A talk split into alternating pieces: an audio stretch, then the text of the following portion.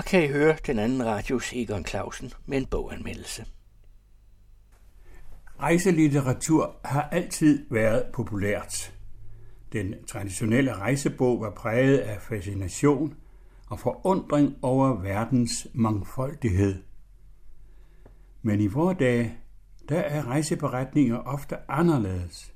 Glæden over verden er afløst af sorg over dens tilstand. Drøm er afløst af virkelighed. Utopi af dystopi. Og det er bogen Ingen mands land et godt eksempel på. Bogen er skrevet af den danske journalist Frederik Tillits, og den har fotografier af to fotografer. Den ene er Anders Ry Skjold Jensen, og den anden er Olafur Steinar Ry Gestson.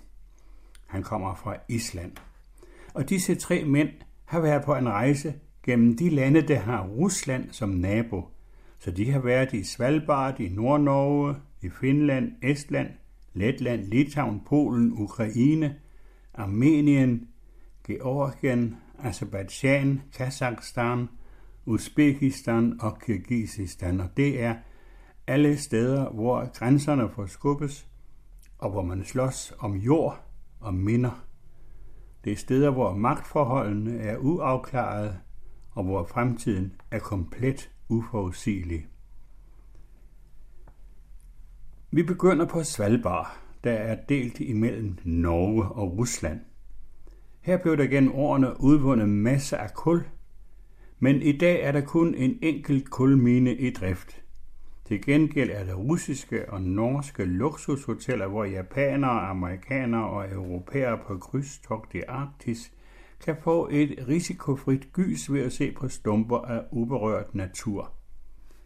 På Svalbard har der også været et godt samarbejde mellem de norske og de russiske hoteller der, men efter udbruddet af krigen i Ukraine er samarbejdet mellem dem blevet afbrudt.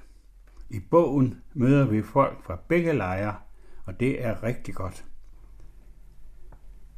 Forfatteren og fotograferne har sans for mindretal, og de har blik for det groteske.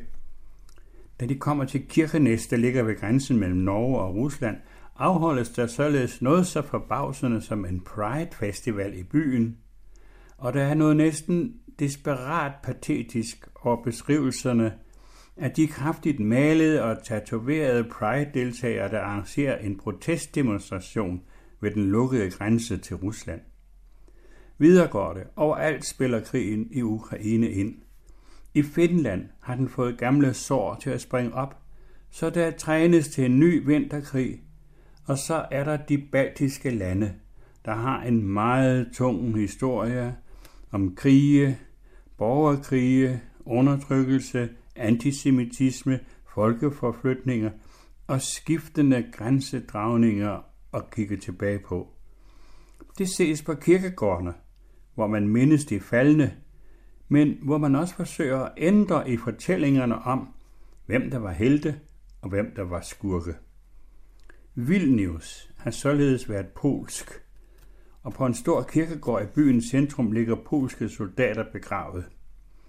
Der er også et monument for tyske soldater, der faldt under 1. verdenskrig, og indtil udbruddet af krigen i Ukraine var der også et mægtigt monument til minde om de hundredvis af sovjetiske soldater, der faldt under 2.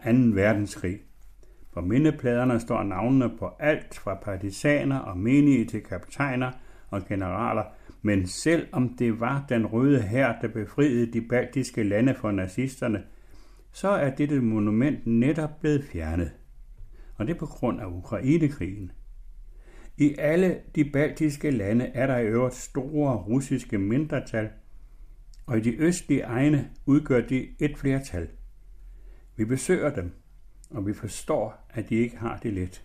I Estland er der for eksempel omkring 90.000 indbyggere, der ganske vist er født og opvokset i Estland, men som ikke kan få estisk statsborgerskab, fordi de kun taler russisk. I Polen er vi sammen med grupper fra det yderste højre. Her møder vi unge mænd, for hvem håbet om en bedre fremtid er bundet til fantasier om et Storpolen, der skal omfatte landområder som i dag faktisk er del af Litauen og Belarus. Det er skræmmende, og det er deprimerende. Og så kommer vi til Ukraine, og her bydes der på næsten ubærlige beskrivelser af ødelagte byer og mennesker. Her er beretninger om aggressive russiske soldater, der plyndrede alt. Men der er også et møde med den ultranationalistiske bevægelse Azov, der har en fortid med jødeforfølgelser og fordrivelse af polakker. Dens fane er sort og rød som symboler på jord og blod, og denne fane vejer mange steder i Ukraine i dag. Videre går færden til Kaukasus, hvor de forskellige folkeslag også slås med hinanden. Vi læser om Armeniens dystre historie med fordrivelse fra deres hjemland på den anatolske højslette. Og i Kirgisistan møder vi unge russiske mænd, som i tusindvis er flygtet fra deres hjemland for at undgå militærtjeneste. I tusindvis af år var Centralasien befolket af nomader. Nu er det os, der er blevet nomader, siger en af dem. Nomader uden hjem.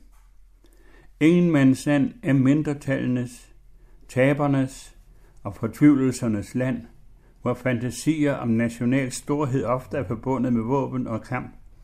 Ingen af stederne har man en forestilling om, hvordan det gode fremtidige samfund bør være. Her vader håbet i blod. Bogens format er stort, så de mange fascinerende fotografier kommer til deres ret.